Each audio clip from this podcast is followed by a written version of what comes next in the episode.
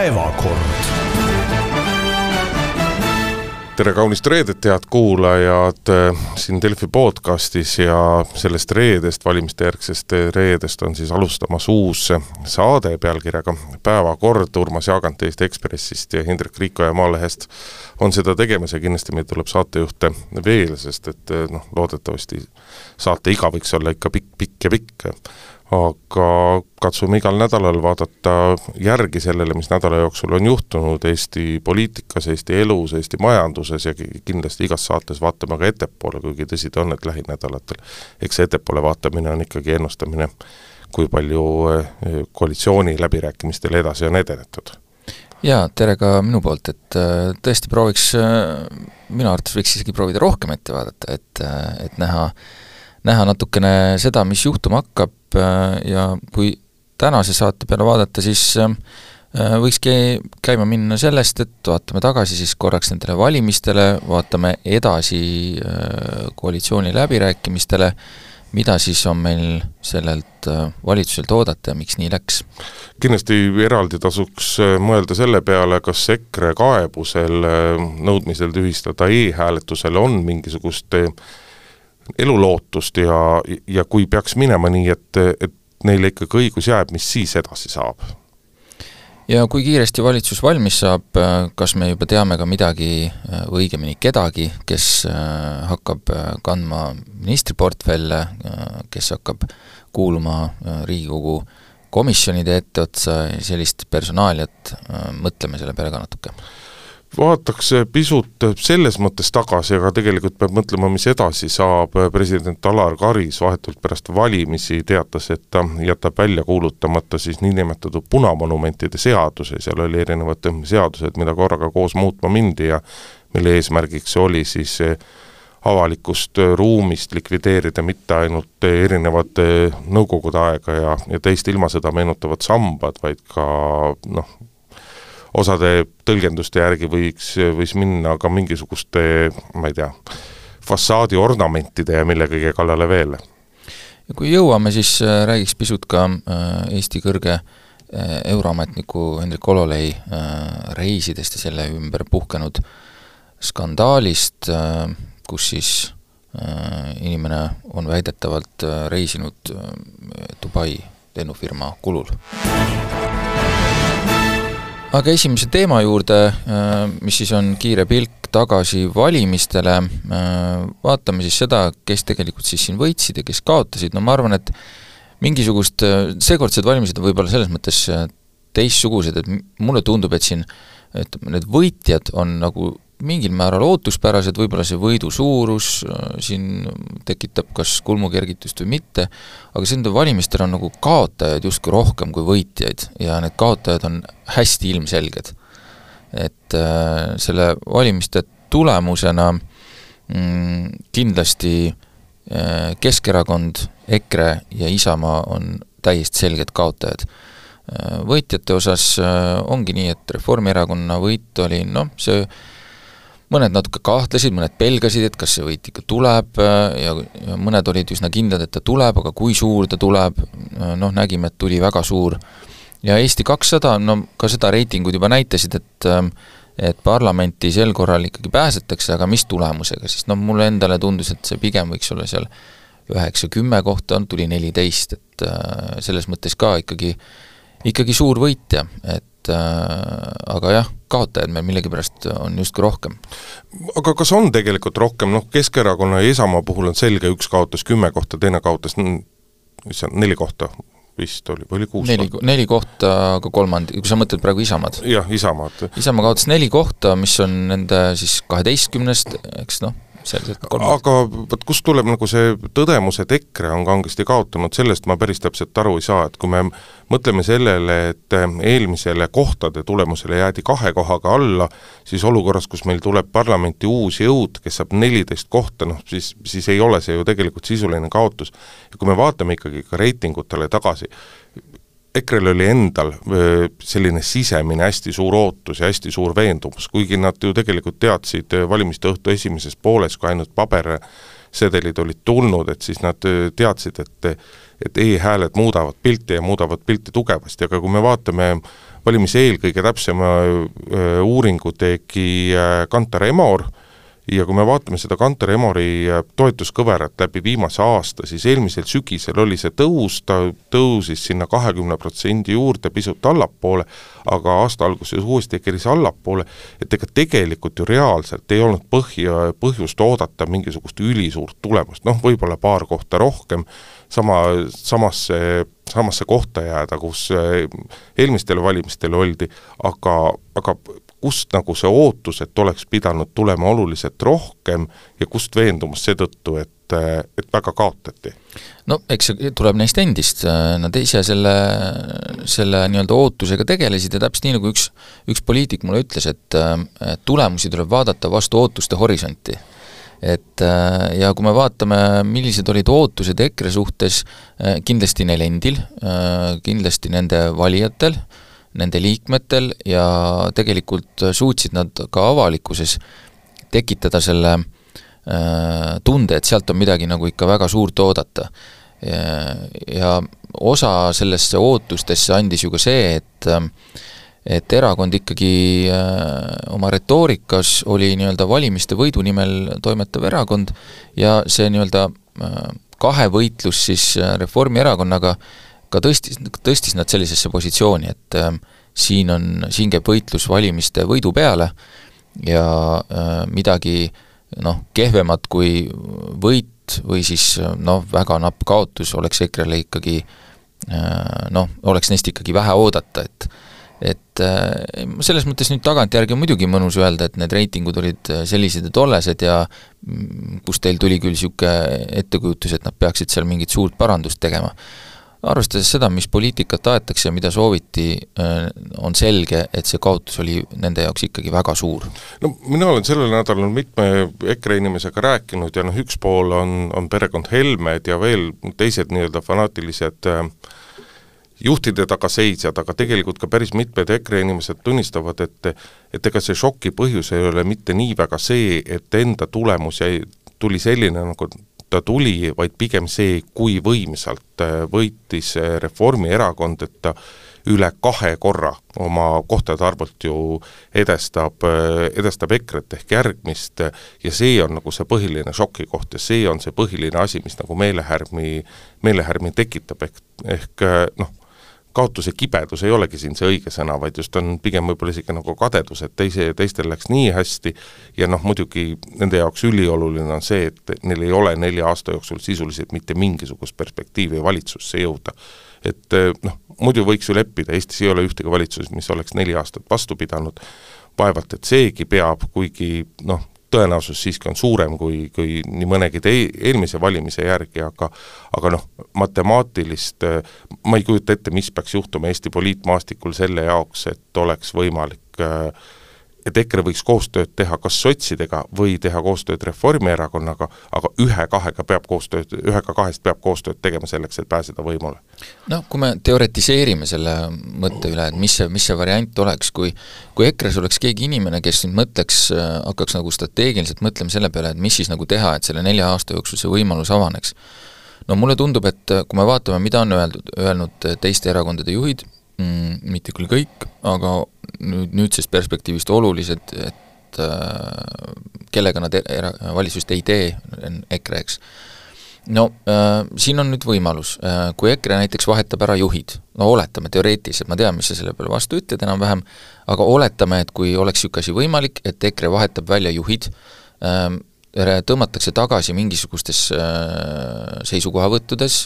äh,, näiteks äh ütleme, see Ukraina toetamine muutub, nad on küll olnud Ukrainat toetavad oma sõnumites ju ka, aga see muutub selles mõttes tingimusetuks, nii nagu on seda mõnedel teistel erakondadel olnud, et me ei vaata sinna kõrvale, et äh, kas meil mõni angaar kuskil jääb natukeseks ajaks tühjaks või mitte, siis äh, siis ma ei tea, võib-olla me oleksime natuke teises olukorras, jah, muidugi, äh, ei ole ju mingit põhjust eeldada, et keegi esiteks mõtleks selliseid asju EKRE-s, et keegi julgeks seda kirja panna, veel vähem seda nagu laialt esitada ja seda ka nagu tõsiselt hakata ellu viima, mingit plaani selles erakonnas partei juhtide vahetamiseks. No vaata, sellega on, on niimoodi, et selle peale kinni väga mitmed inimesed EKRE sees mõtlevad ja väga mitmed inimesed ka tänasel hetkel ja, ja ka EKRE nii-öelda juhtivad liikmed on, on tegelikult pahased selle peale, et et Helme sellist retoorikat kasutab, et ta on nii tugevasti vastandunud, sest kui me tänasel hetkel vaatame, siis Martin Helme liigub nagu väga selgelt Edgar Savisaare, Edgar Savisaare teid pidi, noh, üks asi on e-valimiste kahtluse alla seadmine, ütlemine, et meie ei tunnista valimistulemusi, vägi, vägisi tuleb meelde see, kuidas Edgar Savisaar kahe tuhande viieteistkümnendal aastal teatas, et Keskerakond seob, seob ennast lahti Eesti õigussüsteemist, mäletatavasti siis oli küsimus see erakonna põhikirja muutmises ja selles, et kas kriminaalkorras karistatud inimesi, inimesed tuleks automaatselt erakonnast välja heita või, või mitte, aga see, ma, ma ei tea, mis sa arvasid, et ma arvan, aga EKRE saaks, pääseks, muutuks uuesti parketikõlblikuks juhul, kui nad vahetaksid oma juhi välja, see juhtub varem või hiljem, sellepärast et mingisugusel hetkel kasvab ka EKRE-s see rahulolematus nii suureks, samamoodi nagu see Keskerakonnas juhtus, Keskerakonnas muidugi Edgar Savisaare väljavahetamist seal soosisid ka Edgar Savisaare terviseküsimused, noh Martin Helme, no Helme on noor ja tugev mees, temal seda muret ei ole, aga varem või hiljem see kindlasti EKRE-s tekib, sellepärast et tänasel hetkel isegi kui EKRE oleks tulnud äh, isegi kui ta oleks tulnud teiseks, isegi kui ta oleks võitnud, siis äh, pärast äh, pärast Kaitseväe juhtide ründamist, mida nüüd ju Martin Helme juba tõmbab äh, tõsiselt tuure tagasi ja ütleb, et ega tema ei tahtnudki Martin Heremiga vaielda, et tema oleks tahtnud tegelikult Kaja Kallase ja Hanno Pevkuriga hoopis vaielda, aga näed, välja kukkus nii, siis praegusel hetkel ega Keskerakond ja Isamaa ei oleks olnud valmis öö, temaga ühte valitsusse minema no tõenäoliselt mitte jah, et, et see olukord nende jaoks on nagu hästi äh, halb ja kui ma vaatasin eile ka äh, Martin Helme intervjuud äh, ETV saates äh, Esimene stuudio, siis mina nägin seal juba sammu ikkagi sinnapoole, et läheme nii-öelda ütleme, tema, tema retoorika oli see, et nüüd peavad hakkama ka EKRE valijad täitma neid nii-öelda lolle seadusi ja lolle asju, mida nüüd see liberaalide valitsus kõik hakkab tegema, ja sealt ainult järgmine samm on selleni, et öelda, et aga meie neid liberaalide kehtestatud makse ei maksa. või meie neid liberaalide tehtud seadusi ei täida. ta jättis selle ütlemata, aga see oli, ta ütles ära A, aga äh, B ilmselt jääb siis tuleviku jaoks või võib-olla ta testib, testitakse, kuidas see liigub, aga aga mina selgelt nägin juba viidet sinnapoole, et, et see ei ole nagu nii-öelda meie riik, see ei ole meie valitsus, need asjad, mida see, see valitsus teeb, ei ole tegelikult meie valijatele täitmiseks, sellepärast et me ei pea seda tegema. No vaata, see retoorika on ju samasugune, noh see ei ole üllatuseks samasugune, nagu ta Donald Trumpil olnud no, Ameerika Ühendriikides, aga aga Martin Helme peab mingisugusel hetkel aru saama, nii nagu mitmed tema erakonnakaaslased tänasel hetkel juba saavad aru, et et see valimiskampaania näitas väga selgelt seda, et et senine retoorika, need seisukohad, need ei tööta, et kui sa tahad poliitilises mõttes astuda sammu edasi, saada rohkem, suuremat toetust, võidelda tõsiseltvõetavalt ka esikoha pärast, sa pead midagi muutma, et selle praeguse retoorika ja ja sellega noh, sammu edasi sealt ei äh, tule. vaata, sellega on see, et, et ta töötab küll, aga, aga ta töötab niimoodi, et ta aktiviseerib neid inimesi, kes võib-olla muidu ei viitsiks minna valima Reformierakonda, Eesti kahtesadat äh, ja sotse. et äh, minu, minu meelest see praegune tulemus ongi see, et et EKRE küll sai enda inimesi ka väga suurel hulgal valima, aga äh, see, kuidas nad käitusid äh,, ajas noh, kas kodust välja siis või, või siis arvuti taha oma ID-kaardiga inimesi äh, kes muidu poleks võib-olla võtnud ette seda, et minna valima Reformierakonda, äh, Eesti kahtesadat, sotse, võib-olla ka parempoolseid, eks, kes küll parlamenti ei pääsenud,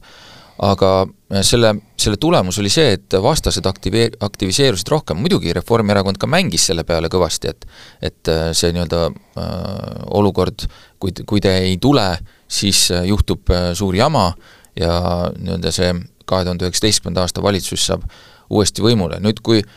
me vaatame, et ka Keskerakonna ja Isamaa, kellest me veel ei ole jõudnud rääkida, on ju ka oma sellises kaotuse eh, noh, kibeduses öelnud, et eh, selline nördinult, et Reformierakond sidus neid selle EKRE külge täiesti nagu, justkui nagu põhjendamatult, mina ütleks selle peale, et see ei olnud põhjendamatu, et et eh, täiesti ilmselge, et Reformierakond sidus neid sinna külge aga, aga miks see, aga miks see töötas? See töötas sellepärast, et Keskerakond ja Isamaa on EKRE-ga valitsust teinud ja sellepärast oli see ka valijate jaoks usutav, et nad võivad seda uuesti teha. nii et selles mõttes äh, ma ütleks, et nii-öelda põhisüü, kui nii saab öelda, mm, selles, et selline hirmutamine töötas, oli ikkagi see, et need erakonnad olid EKRE-ga korra valitsust teinud ja seekord ei olnud ka seda välistatud, nii et äh, Reformierakond võttis sellest nagu maksimumi ja ei ole küll selles mõttes äh, Reformierakonnale midagi ette heita, et et, et see nii-öelda noh, hirmutamine, ähvardamine töötas. Aga räägime pisut ka Isamaast, sellepärast et Isamaa tulevik on on, on samamoodi suhteliselt nagu tume nagu EKRE oma, erinevalt sellest, et kui EKRE-l ei, EKRE ei pea nagu kartma seda, et neid, et nad võiksid Eesti poliitiliselt maastikult ära kaduda, siis Isamaal on küll põhjust seda, põhjust seda peljata, et üks asi, asja üks pool on nii-öelda nelja koha kaotus parlamendis, aga mis on veelgi nagu märgilisem, on ikkagi see, et Isamaa on al-, alati olnud erakond, nagu kunagi oli ka Rahvaliit, kelle toetus valimistel on alati suurem, kui äh, arvamusuuringud seda näitavad, sest et tal on väga kindel oma valijabaas olemas, see ei pääse arvamusküsitlustes niimoodi mõjule, aga see on olemas, need inimesed tulevad välja ja, ja, ja seekord Isamaaga seda ei juhtunud. et äh, ega, ega Isamaalgi ei ole väga palju paremaid retsepte, kui tuleb mõelda uue uue esimehe peale ja peab mõtlema ikkagi ka paljudele oma sõnumitele jah, äh, uue esimehe peale võib mõelda, uute sõnumite peale võib mõelda, ainult et siin on üks oluline probleem. Äh, igas erakonnas on mitmeid vaateid, äh, kuidas seda nii-öelda laia maailmavaadet nagu siis ellu viia. nüüd Isamaas me oleme viimaste aastate jooksul näinud olukorda, kus need, kellel on olnud teistsugused vaated, mis nendest on saanud, neid enam pole seal Isamaas on jäänud, no ma ei saa öelda tegelikult, et ainult järgi, aga ütleme, see tuumik, mille vaade, vaadet me nägime esitatavat praegu enne valimisi ja valimiste ajal, äh, on üsna, on nüüd ütleme, seal kõrval ei ole väga palju muud, sellepärast et need, kes äh, tahtsid midagi muud, need kas läksid ära või nad saadeti minema. ja nüüd ongi olukord, et et mis see suunamuutus siis saaks olla, et, et sellesama seltskonnaga, et et nad on ennast selle nii-öelda no ma ütleks, ähm, perepoliitika külge nagu väga kõvasti kinni sidunud. Ähm, ja mis sellega siis nüüd nagu edasi teha, et et ega, ega iga muudes, muudes valdkondades on ju ka Isamaa vaated äh, on täiesti niisugused äh, mõistlikud, ma ei ütleks, ma ei ütle ka, et need perepoliitika vaated ei ole mõistlikud, et aga, aga lihtsalt mulle tundub, et, et äh, praegusel hetkel ei ole ühiskonnas äh, see nii suur probleem, mul, mul ei ole muud järeldust nendest valimistest teha, et kui sa oled äh, kui erakond on võtnud kaks spetsiaalset ministrit,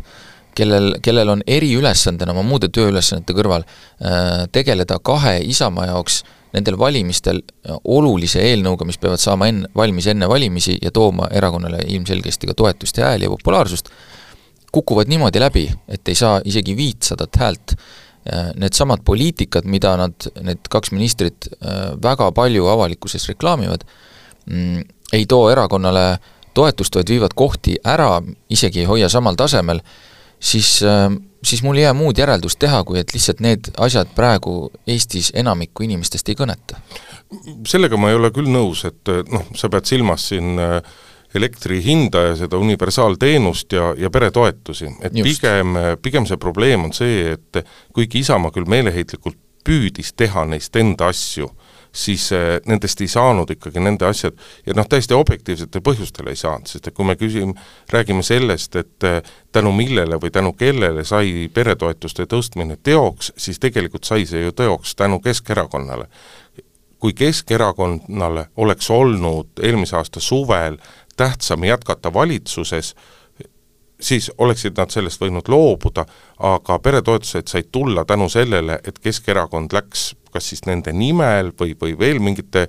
asjaolude sunnil, läks valitsusest ära. kui oleks jätkunud Reformierakonna, Keskerakonna valitsus, siis ei oleks seda asja tulnud. jaa, jaa, aga kui me vaatame poliitiliselt, äh, siis me näeme seda, et äh, need ei toonud ühelegi neist erakondadest edu, äh, see võitlus. noh, vot aga ega ongi keeruline tuua edu, kui, kui ühte asja tajutakse ja ma olen küll üpris veendunud, et inimesed tajuvad ikkagi nii-öelda kollektiivset kollektiivse teona seda, mitte nad ei taju seda väga selgelt ühe või teise asjal. et noh, Isamaa üritas seda meeleheitlikult enda äh, enda teeneks panna ja eks ta tõsi on, et kõige pikemad ja kõige järjekindlamad näiteks peretoetuste teemal öö, ongi sõdinud, ongi sõdinud Isamaa. aga noh, teine asi on universaalteenus, et kui meil oleks olnud olukord, kus viimasel paaril kuul oleks universaalteenus tõesti odavam kui elektri börsihind, siis oleks olukord ka hoopis teistsugune, siis oleks see kõne, kõlapind ka olnud hoopis teine. aga tegelikult inimesed on juba, juba mitu kuud harjunud sellega, et nad istuvad veel universaalteenuse makse otsas, sellepärast et eh, kuna on ka veel täiendav hüvitis olemas, siis ei ole nagu vahet, kas sa oled börsipaketis või sa oled universaalteenust kasutad. aga see ka kohe aprillikuust muutub ja, ja arvestatavalt muutub. et Isamaa ei suutnud teha seda oma asjaks ja noh, lisaks ka nagu neil teemadel rääkijad, eh, eriti mis universaalteenust puudutab, siis minister Järvan, noh, ta, ta lihtsalt inimesena ei kandnud välja võib-olla küll, aga, aga sel juhul, kui me võtame need nii-öelda selliseks Äh, sellise vaate, et need olid sellised nii-öelda kollektiivsed teemad, siis mis Isamaal siis üldse järgi jäi, mis aga ei jäänudki, see ongi see probleem, et neil ei ole, neil ei ole enam mitte midagi. ja neil ei olnud ka mingit muud poliitikat, mida siis nagu nii-öelda esitada enda omana, ma tean, see kõlab hästi selliselt ma ei tea, poliittehnoloogiliselt, et kelle, mis asi on kelle oma ja äh, kas, kas kes, kes saab kuskilt mingi plussi või punkti, aga noh, valimiste kontekstis see ikkagi on oluline, et äh, ma usun, et kõik äh, tegelikult teavad, et äh, Isamaa ajas seda perepoliitikat, on seda pikalt ajanud ja üsna järjekindlalt ja kõvasti selle eest võidelnud, äh, et Isamaa ajas näiteks sellesama teise pensionisamba, eks ole, vabatahtlikuks muutmist, võitles selle eest kõvasti, sai sellega tehtud, aga no ma ei ole näinud, et keegi oleks Isamaad nende asjade eest premeerinud valimistel. Mitte ühegi nende asja eest ei ole premeeritud, nüüd muidugi erakonna juhid võivad öelda, et et ega see polegi eesmärk, eesmärk on, et asjad saaksid tehtud. meie tegutseme ikkagi väärtuspõhise poliitikaga. ja nüüd on sarkasm, eks ole, äh, tõesti, tege-, te-, ja tegutsevadki, et äh, ma üldse ei kahtle, et äh, päris paljude Isamaa inimeste jaoks need asjad ongi olulised ja see ongi nende nii-öelda vaade. aga valimistulemus näitab, et enamik Eesti inimesi ei pea neid asju nii oluliseks nii kurb, kui see ka ei ole, äh, paljude inimeste jaoks see kindlasti on kurb. no vaata, üks asi on see, et ei pea tee, ei peeta teemad, teemasid oluliseks, aga teine asi on ikkagi see kuldne küsimus, et noh, et mille eest Isamaa seisab või et kas tänases poliitmaastikul Isamaal on enam seda kohta, kas kas sellise nii-öelda nagu äh, niisugune poolpehme või poolkõva erakonna järgi on nagu vajadust, et EKRE on võtnud neilt väga selgelt ära sellise nii-öelda niisuguse radikaalsema ja, ja konservatiivsema valija ja samal ajal meil on kõrval nüüd Eesti kakssada, välja kasvanud sellest samast Isamaast ja tegelikult on, on tasahilju ju ikkagi tulemas ja ma julgen ennustada, et järgmisel valimistel on juba ka parlamendierakonnaks parempoolsed. et, et, et Isamaa kõigub seal kuskil vahel, et ta peab nagu ära otsustama, et Helir-Valdor Seeder on siin viimaste aastate jooksul kuluaarides ka kurtnud, et teeme küll justkui nagu EKRE, aga EKRE-t toetatakse ja meid ei toetata ja, ja, ja nad on sellega tegelikult erakonna sees hädas olnud kogu aeg, kuigi avalikult seda tunnistada ei taheta jah, no Isamaa lahendus äh, läbi ajaloo sellistele asjadele on olnud äh, liitumine mingi teise erakonnaga. Äh, et noh, eks me näe, eks no me ei tea, järsku nüüd on ikkagi see aeg, et lahendus on lahustumine teisteks erakondadeks. võib-olla küll, see on juba otsapidi alanud ja kas selle lubamine oli mõistlik erakonna praeguse juhtkonna poolt sisevõitluse vältimiseks, noh, seda on nüüd ka aega mõelda aga läheme edasi e-valimiste teemaga, EKRE on esitanud vastavad kaebused äh, äh, nii Riigikohtule kui valimiskomisjonile, seni üldlevinud arusaamine on selles, et äh, et nendest kaebustest midagi ei tule, on ju varemgi e-valimiste tulemusi vaidlustanud, vaidlustatud, aga väikene ettevaatlikkus ei teeks siiski siin paha, sest et kui tõepoolest peaks tulema mingisugune äh, ütleme siis tauniv otsus eh, Riigikohtust, eh, noh, siis see tähendaks paratamatult eh, uusi valimisi jah, no see oleneb ju nüüd sellest, mida täpselt vaidlustati ja mis see siis nagu tulemus saab olla, et kui ma saan aru, et on öeldud, soov on e-hää-, e-hääli nagu tühistada või e, e-hääletust nagu tühistada, eks. et noh, ma ei,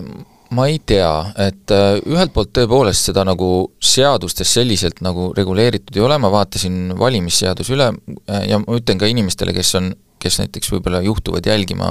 Varro Vooglaiu postitusi, kes siis ütleb, et põhiseaduses pole selle kohta midagi öeldud, siis äh, seaduste hierarhias on ikkagi põhiseaduse järel on seadused ja valimisseadus on olemas ja seal on e-hääletus täiesti sees,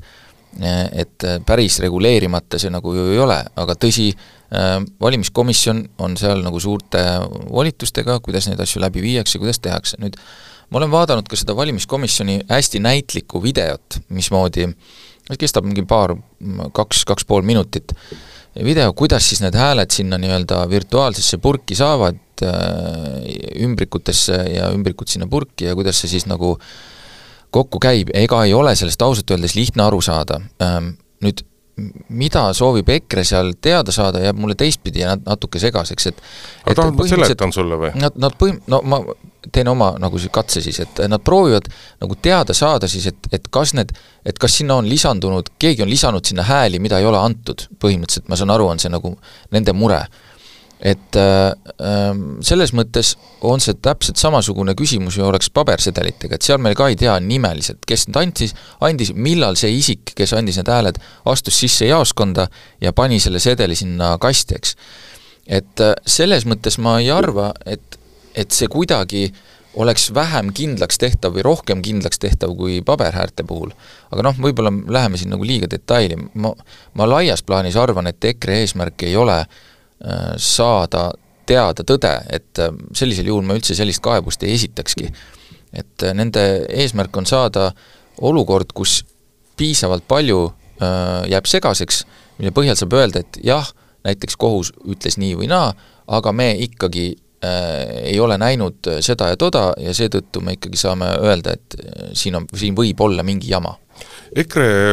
EKRE taotlus on selles mõttes väga lihtne, et äh, ega siis Martin Helme ja teised EKRE juhid saavad väga hästi aru, et äh, tõenäosus, et keegi oleks manipuleerinud e-hääletamise tulemusega, kas äh, nii-öelda salaja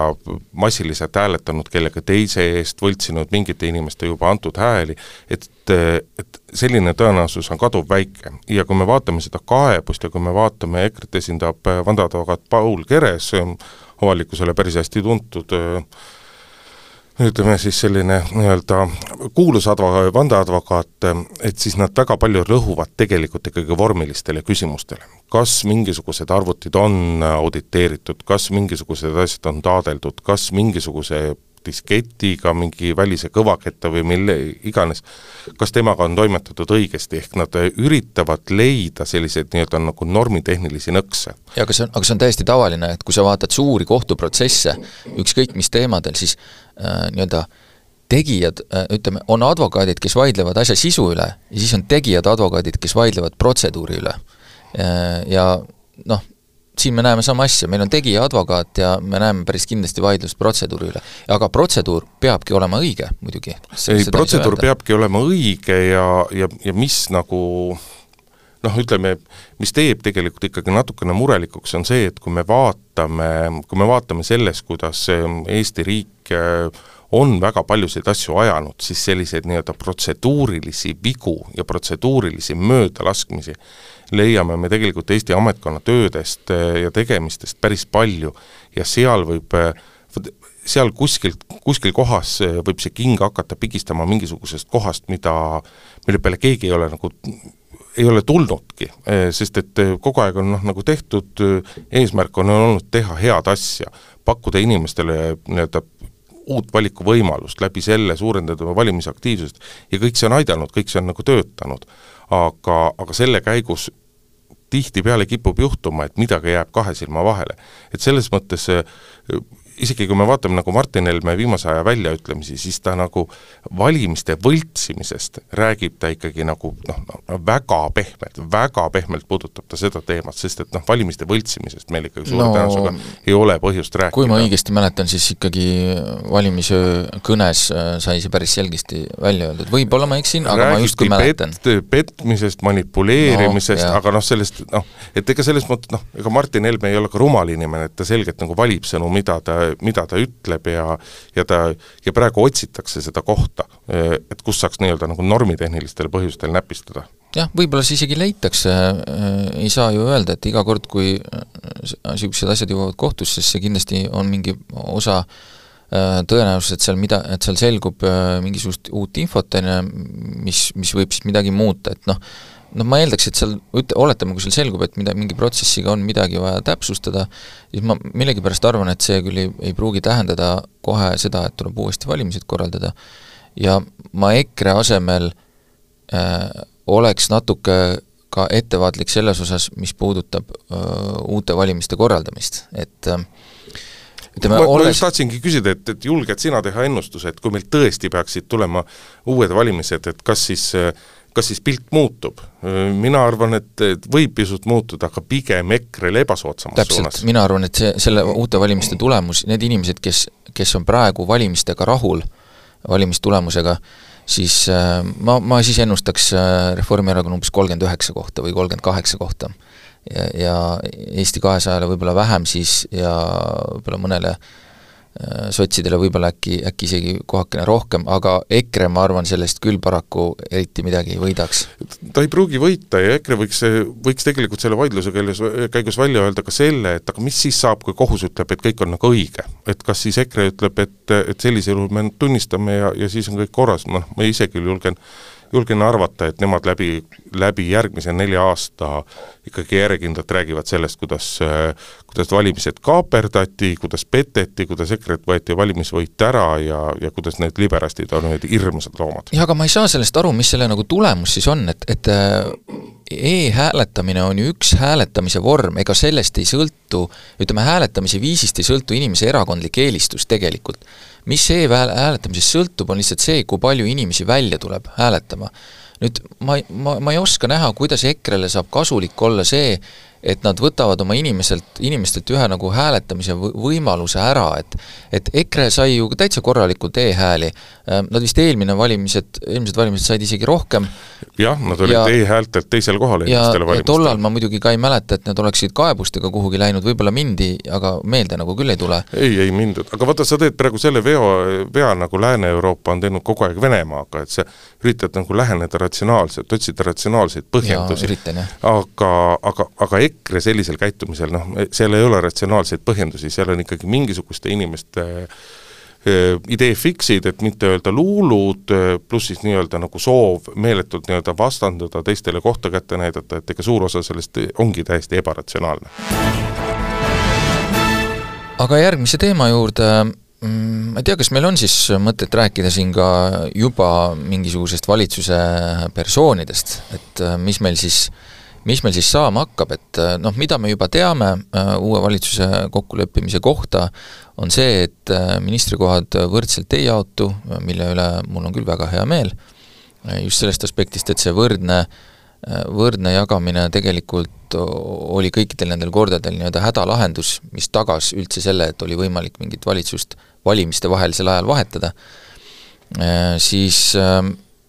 jah, et äh, me teame, et äh, Reformierakonna esimees on öelnud, et äh, kuna kolme koalitsiooni üle läbi rääkiva erakonna tulemusest kuuskümmend protsenti on Reformierakonna oma, siis umbes selline peaks olema ka see ministrikohtade jaotus. vot mina sinu rõõmust küll selles mõttes nagu aru ei saa, et kui me vaatame seda, et et Reformierakond ju armastab rääkida sellest, kuidas, kuidas nii-öelda euroopalikud väärtused, euroopalik valitsemiskultuur ja nii edasi, et kui me Euroopas ringi vaatame, siis tegelikult järjest rohkem me näeme seda, et et jaotatakse ikkagi nii-öelda enam-vähem võrdsuse printsiibil põhi, põhimõttel ja, ja seda proportsionaalsust mitte nii väga, et noh, üks asi, mida Reformierakonna puhul ju ju kahtlustatakse ja, ja peljatakse paljude inimeste poolt, on see, et noh, Reformierakond läheb väga ülbeks kätte. ja minu arust see jutt sellest, kuidas nemad peavad saama vähemasti pooled äh, valitsuskohad, see ongi, see on esimene märk sellest, et minnakse nagu ülbelt, ülbeks kätte, et mina vastupidi, nii-öelda poliitkultuuri mõttes äh, ärme siis ütle päris võrdne jaotus, sest et noh, ma olen nõus, et igale ühele viis kohta, eelduses meil on viisteist ministri kohta, et see oleks tõesti võib-olla nagu liiale. aga noh, jaotada põhimõttel, et kaheksa, neli, kolm, see tundub siiski ka nagu ikkagi osadele koalitsiooni osapooltele nagu väga koha kättenäitamisena ja kui tahta nii-öelda neli aastat valitseda, siis see ei ole küll see, mis vundamenteeriks positiivset läbisaamist nii-öelda neljaks aastaks. no esiteks ähm, noh, mina, ma ikkagi leian, et, et äh, kui meil on valimised, kus selguvad äh, nii-öelda osakaalud, eks ole, et ei ole niimoodi, et äh, see, kes saab kõige rohkem hääli, see võtab nagu kõik, kogu poti, siis me peame, siis seda osakaalu, ütleme, kui mina oleksin Reformierakonna valija, siis äh,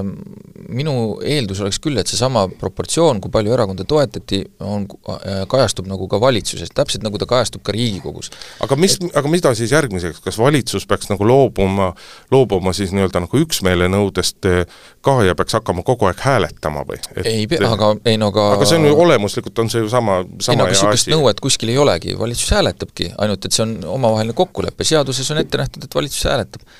et äh, tegelikult nad seda ei tee ja selle, sellepärast, et nagu koalitsioon koospõhjus, muidugi äh, arvestame sellega ka, et ega ju juba valimiste õhtu järel hakkas nii-öelda see nii-öelda koalitsioonimäng,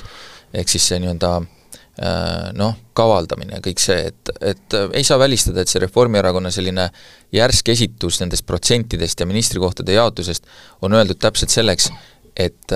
millegi, mingisuguse noh, sotside või Eesti kahesaja äh, vastuvõetamatu soovi nii-öelda äh, ära taandamiseks on, äh, on see nagu protsent aetud nii kõrgeks, et sealt saab nagu tagasi tulla, et hea küll, te jätate selle asja ära, me anname siis teile ühe koha juurde. ei saa välistada, et see on ka selleks tehtud, et tõenäoliselt, et, et me võib-olla näemegi natukene võrdsemat, et lihtsalt Reformierakond on ka seal jätnud sellise nii-öelda tagasimängimise ruumi endale. et see, see kõlab üsna tõenäoliselt aga, aga põhimõtteliselt jah, et, et äh, ka mina leian, et see ei ole nagu aus, kui, äh, kui erakond, kes on saanud noh, näiteks seal kuus-seitse kohta, saab Riigikogus, saab põhimõtteliselt kogu oma fraktsiooni noh, põhimõtteliselt tuua nagu valitsusse ja, ja on siis sama kaaluga ka valitsuse sees, et et see päris nii ei peaks olema, aga jah, ma arvan, et seal on natukene kauplemisruumi Reformierakond ka sisse jätnud. aga kui me siin persoonidest rääkisime, ega tegelikult on nagu keeruline rääkida, noh üks suur küsimus on see, et kes saab, kes saab äh, parlamendi esimeheks ja, ja seal on küll üks tõsisemaid kandidaate, on on Margus Tsahkna, kuna suure tõenäosusega see koht peaks minema Eesti kahesajale, kui kui koalitsiooni nii-öelda teisele erakonnale ja sellele kohale peaks saama inimene, kellel on ikkagi olemas väga, väga selge ja põhjalik ka riik, nii Riigikogu kogemus kui, kui poliitikakogemus, ja Tsahkna ja, ja Pakosta kahekesi sellised Eesti kahesaja fraktsioonis on, et et Lauri Hussarit või Kristina Kallast oleks ikkagi parlamendi esimeheks suhteliselt jabur pakkuda oleks, sellega on, ongi nagu see probleem jah, et äh, kui te mõtlete, et me praegu nägime Riigikogus äh, nagu selle vahe, selle tsükliga siin nagu hullu-möllu äh, kõikide nende protseduuriliste küsimuste ja muu sellisega, siis ega lihtsamaks ei lähe. kõik läheb palju hullemaks? kõik läheb palju hullemaks ja see, kes äh,, nagu me nägime äh,, see Jüri Ratase see stiil äh, hoida väga jäigalt kinni sellest nii-öelda kodu- ja töökorrast äh,, kus on tegelikult ka mingites asjades niisugust tõlgendamisruumi, siis noh, see nagu väga hästi ei töötanud, samas selline ka Eiki Nestori varasem stiil, äh, noh tollal muidugi ajad teised nii suurt möllu nagu ei olnud, sellist, sellist äh, solvamise ja nagu sellist isiklikku ründamise stiili, äh, noh, et võib-olla seal, võib-olla see nagu töötaks paremini, aga igal juhul on seal vaja inimest, kes suudab ennast nagu kehtestada, kes suudab selle äh, asja nagu hoida, äh, hoida mingisuguses mõistlikes raamides, et et äh, ega, ega ongi seesama seadus, kodu- ja töökorda seadus ei, ei võimalda ka mingeid asju nagu teha, et äh, sõna kelleltki ära võtta ei saa ja nii edasi, aga noh, kergemaks see midagi ei lähe ja noh, üks asi, mida ma saan aru, on ka selliselt nii-öelda joone alusena vaadatud, et kuna Riigikogu esimees on tegelikult ka ju nii-öelda presidendi noh, asendaja siis kui see vajadus peaks tekkima, siis üldiselt ma olen aru saanud, on vaadatud ka, et äh, Riigikogu spiiker oleks äh, noh, üle neljakümne aasta vana, lihtsalt igaks juhuks. aga see, see võib-olla ei ole nii suur, nii suur probleem üldse, aga, aga jah, et Eesti kahesaja liidritest ähm, noh, see saaks olema väga keeruline esimene nagu amet, et pigem, pigem tõesti võib-olla Tsahkna, aga võib-olla on sotsides keegi, kes üldse võiks seda tööd teha, ei tea, et, et, et et see saab olema nagu huvitav, huvitav, kes selle, kes selle koha peale nagu leitakse. Aga muus personaalias, noh selles vallas on ikkagi veel jätkuvalt vara rääkida, et noh, jah, me võime kindlad olla selles, et et, et mingid sellised nii-öelda noh, selles valitsuskoalitsioonis on valitsuses kindlasti kõik erakondade esimehed, Lauri Hussar meiegi Delfi tööintervjuus ütles ju, et tema põhimõtteliselt võib igale ministri kohale asuda, sellepärast et ta on oma töös, varasemas ajakirjaniku töös kõigi valdkondadega piisavalt palju kokku puutunud, Liina Kersna tõenäoliselt jätkab valitsuses, Hanno Pevkur suure tõenäosusega jätkab valitsuses, et mingeid selliseid asju me teame, aga aga jutt sellest, et kohtadest veel ei räägita, on laias laastus ikkagi suhteliselt tõsi, kindlasti mida peab koalitsiooniläbirääkimiste käigus ära otsustama, on see, kes järgmisel suvel läheb Euroopa Komisjoni äh, volinikuks, sest et äh, Kadri Simsoni aeg saab täis ja noh, ma ei kujuta nüüd ette, et see koalitsioon pakuks Kadri Simsonit teiseks ametiajaks veel välja, aga noh, olulisem küsimuski praegu tegelikult on vast see, et et mida hakatakse koalitsiooniläbirääkimistel rääkima ja milliseid otsuseid tegema, sest et äh, kui enne valimisi tundus, et äh, raha on riigil siiski küll ja küll ja väga muretsema ei pea ja üks lubadus oli kallim kui teine, siis nüüd pärast valimisi me oleme saanud teada, kui palju on meie reaalpalk kukkunud, me oleme saanud teada, et äh, riigieelarvest oleks hädasti vaja kärpida ligi miljard eurot, Rahandusministeerium eile tegi ka omapoolsed ettepanekud, millest osad on ikkagi äh,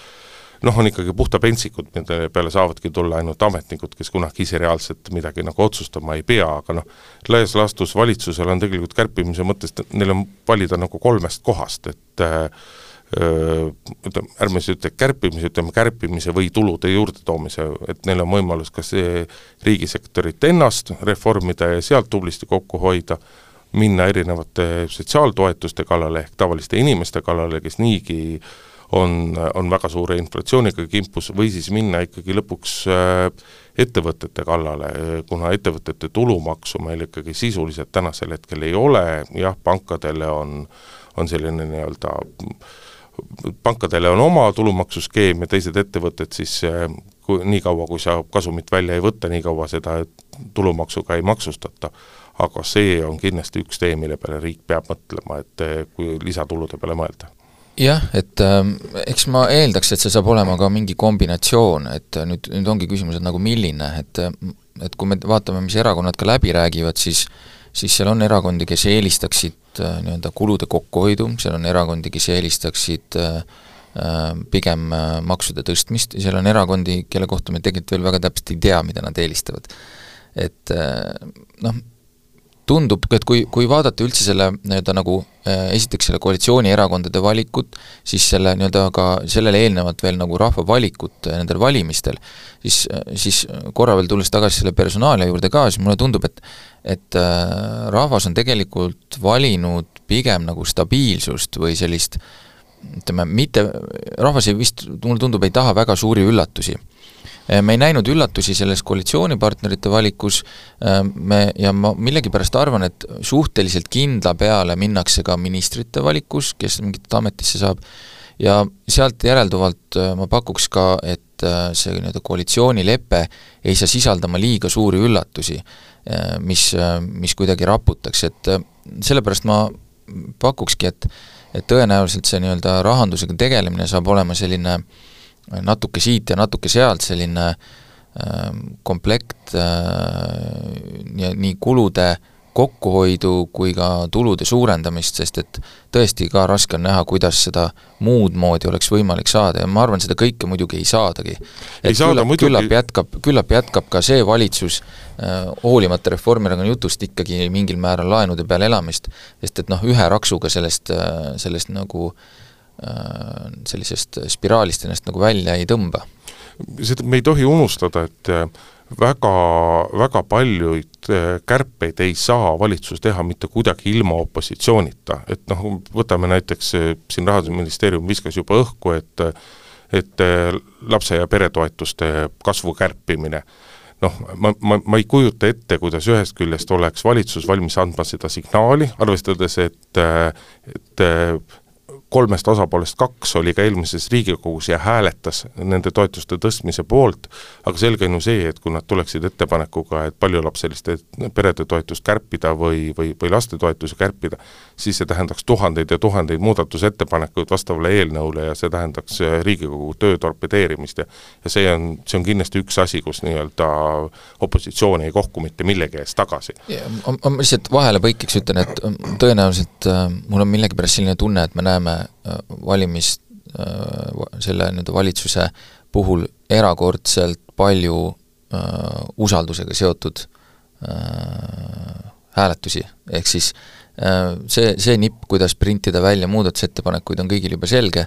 ja mulle tundub, et päris paljudel juhtudel läheb edaspidi tarvis seda, et äh, mingi asja hääletus seotakse valitsuse usaldusküsimusega, mis ei tee Riigikogule muidugi mitte midagi head, kui valitsus võtab äh, muudatusettepanekutega toimetamise enda kätte. aga, aga vaadates, kuidas see tehno-, tehnik, tehniliselt on hakanud viimasel ajal käima, siis ma ei näe, kuidas valitsus sellest muul moel pääseda saaks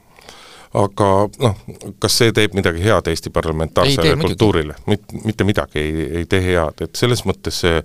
noh, ma julgen ennustada, et, et kuigi on räägitud sellest, et riigireformi tuleks teha ja kahtlemata ta ka peaks tegema ja peaks tegema just sellisel viisil, et mõtleme siis riigi ülesanded, funktsioonid, kõik asjad tõesti vaatame läbi, kuhu raha kulub, et sellest hoolimata kärbitakse ikkagi joonlauaga ja kärbitakse kõigil ühtemoodi ja, ja sellised asjad tulevad. Omaette küsimus on, et kas kaitsekulutuste kallale ollakse valmis minema, mis eh, noh, ühest küljest raputan pead, mina ka raputan pead, nagu sina siin praegu pead raputasid, aga, aga, aga teatud tingimustes jällegi noh, mis siis juhtub, kui sa võtad äh,,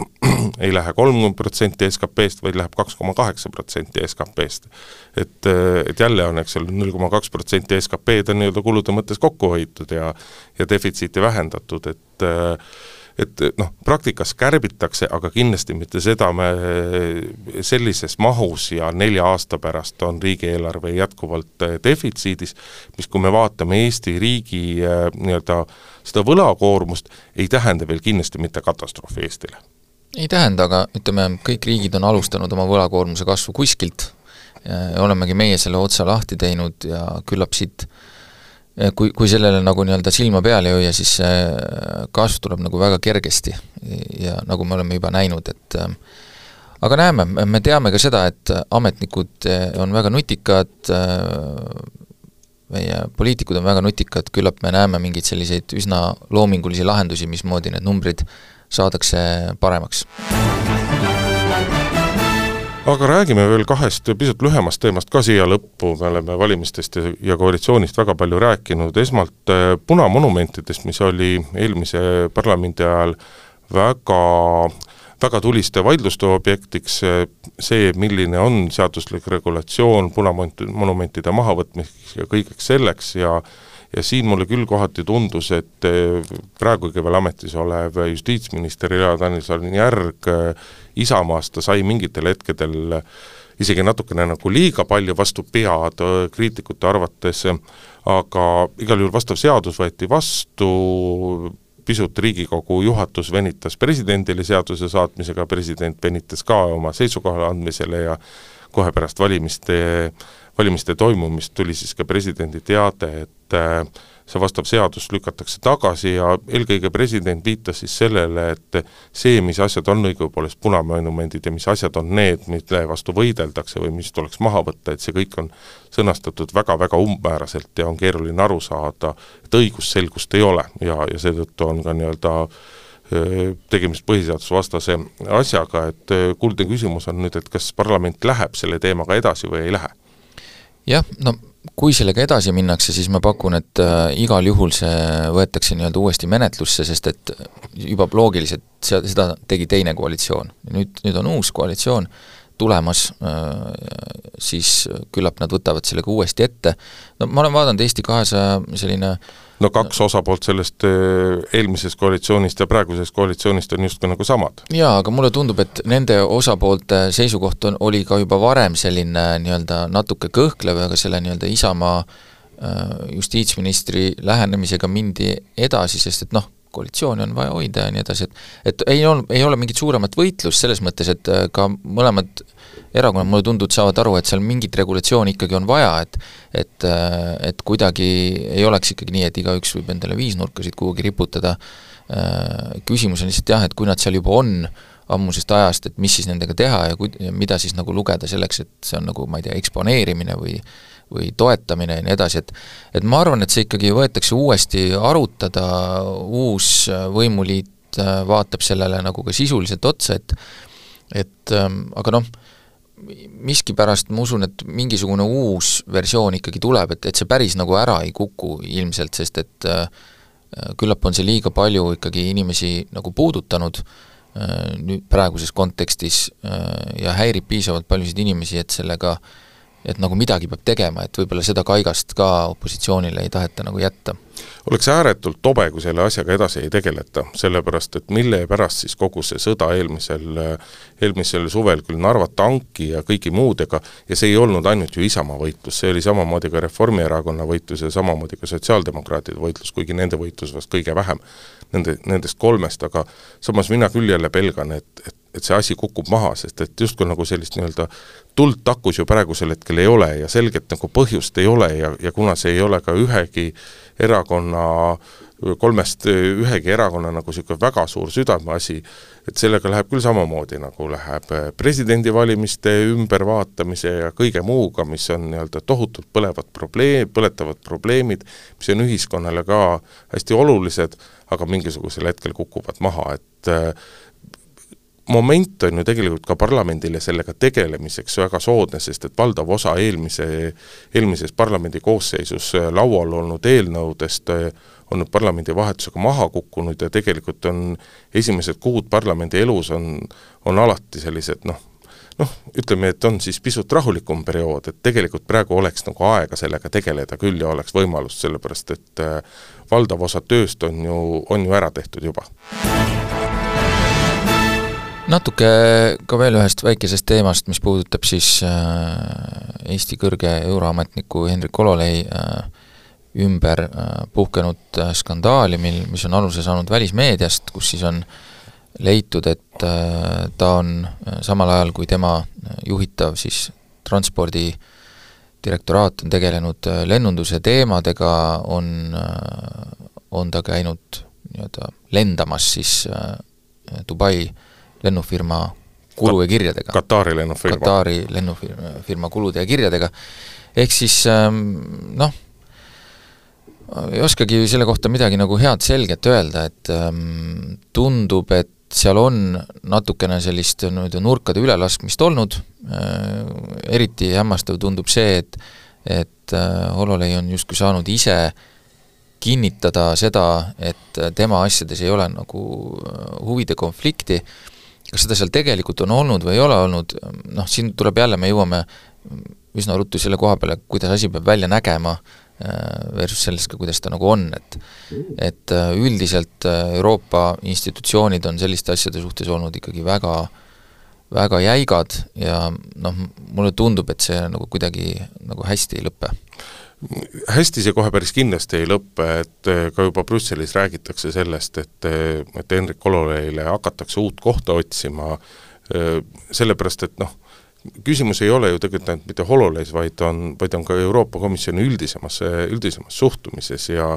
ja, ja siin on nagu see kahepalgelisus ikkagi nagu väga selge ja väga tajutav, et kui me mõtleme kuidas kontrollib, äh, kuidas er-, erinevad Euroopa institutsioonid äh, kontrollivad liikmesriikides mingisuguseid raha kasutamist ja kui, kui varmad ollakse tegema ettekirjutusi erinevate huvide konfliktide ja kõige selliste asjade kohta, siis, siis tundub ikkagi täiesti jabur, et et üks, üks organisatsioon peab ühe riigi ja, ja, ja seeläbi ka konkreetsete lennundusettevõtetega äh, läbirääkimisi, peab keerulisi läbirääkimisi ja siis selle organisa-, institutsiooni juht lendab tasuta selle eh, institutsiooni kulul. et see on tegelikult ikkagi nagu, see on täiesti jabur, et noh, see on, see on sama hea, kui äh, kui, kui ma ei tea, Eestis hakkaks äh, majandusminist-, majandusministeerium, meil siit aknast paistavad Tallinki laevad, hakkaks järsku Tallink hakkaks tegema majandusministrile äh, laevapileteid kogu aeg välja ja et noh, see, oleks ju kirjeldamatu skandaal, et mille põhjal noh, ei ole sisuliselt Euroopa Liidu liikmesriiki, kus kui mõni minister käituks selliselt, nagu Hendrik Hololei on praegusel hetkel käitunud, et ta saaks oma ametis jätkata, et see on, see on täiesti välistatud ja ja seda pentsikum on olnud ka see Euroopa Komisjoni nagu väga väga jahe reaktsioon sellele, kogu sellele temaatikale jah äh,, nagu öeldud, ei saa näha, et see kuidagi nagu hästi saaks lõppeda, lihtsalt nagu natukene kahju ka, et, et äh, kuidagi meie noh, eks see käib natuke meie maine pihta, sest Hendrik Ololei on olnud selles valdkonnas ikkagi väga hinnatud, ta on selles ametis olnud väga kaua äh, ja äh, ütleme, noh, tema töö näiteks siin nende erinevate lennunduskriiside reguleerimisel ja ka, ka nagu koroona äh, kriisis selle nii-öelda lennundussektori läbitoomisel on olnud ka päris suur. aga võib-olla lihtsalt... see probleem ongi see, et, et ta ongi liiga kauaks jäänud, et on muututud liiga mugavaks ja on hakatud ennast liiga hästi, liiga hästi tundma väga, kas see on võimalik, kas see on võimalik, ega neid isiklikke põhjuseid ju kunagi ei tea või kuidas, kuidas see on olnud, igal juhul kui, kui seda, kui seda nagu väljapoole vaadata, siis tõesti see näeb ülimalt halb välja, isegi kui ütleme niimoodi, et, et peadirektor ei osalenud mingitel läbirääkimistel, mida kuskil tema asutus pidas. siis ei ole võimalik, et peadirektor ei tea ja ei räägi kaasa selles, mis, milliste seisukohtadega esinedata, esinetakse nendes läbirääkimistes või milliste kokkulepetega ollakse nõus. no täpselt, nii et ähm, ütleme jah, see on äh, selles mõttes kurb juhtum, kindlasti nagu ka õpetlik ja kindlasti ei ole see äh, nii-öelda ei ainus ega viimane, mis, mis kõrgetel positsioonidel juhtub. absoluutselt, aga samas ega me nüüd ei pea kartma, et, et eestlane kuskilt Euroopa Komisjoni kõrgelt positsioonilt ära kaob, sest et ega Euroopa Komisjon on, see on, see on väga hierarhiline ametkond, et mitte öelda, et see on paras omaette kastiühiskond mis, mis Euroopa Liidu sellisel administratiivsel tasandil nagu toimub, et et kui ta peab sellest ametist lahkuma, siis ta, siis ta kindlasti maandub kuhugile järgmisele küllalt kõrgele ametile, kui ta seda ise vähegi tahab, loomulikult on ka võimalus, et et Ololei ise ei viitsi enam Brüsselis olla ja tahaks pigem Eestisse tagasi tulla ja mõnusat elu ise elada aga siinkohal tõmbame tänase saate otsad kokku, viiskümmend kuus ja pool minutit saime saate pikkuseks, et päris pikk, aga ma usun, et kuulete midagi on, ilusat nädalavahetust kuulajatele ja järgmisel reedel on juba uus päevakorrasaade eetris. kohtumiseni! päevakord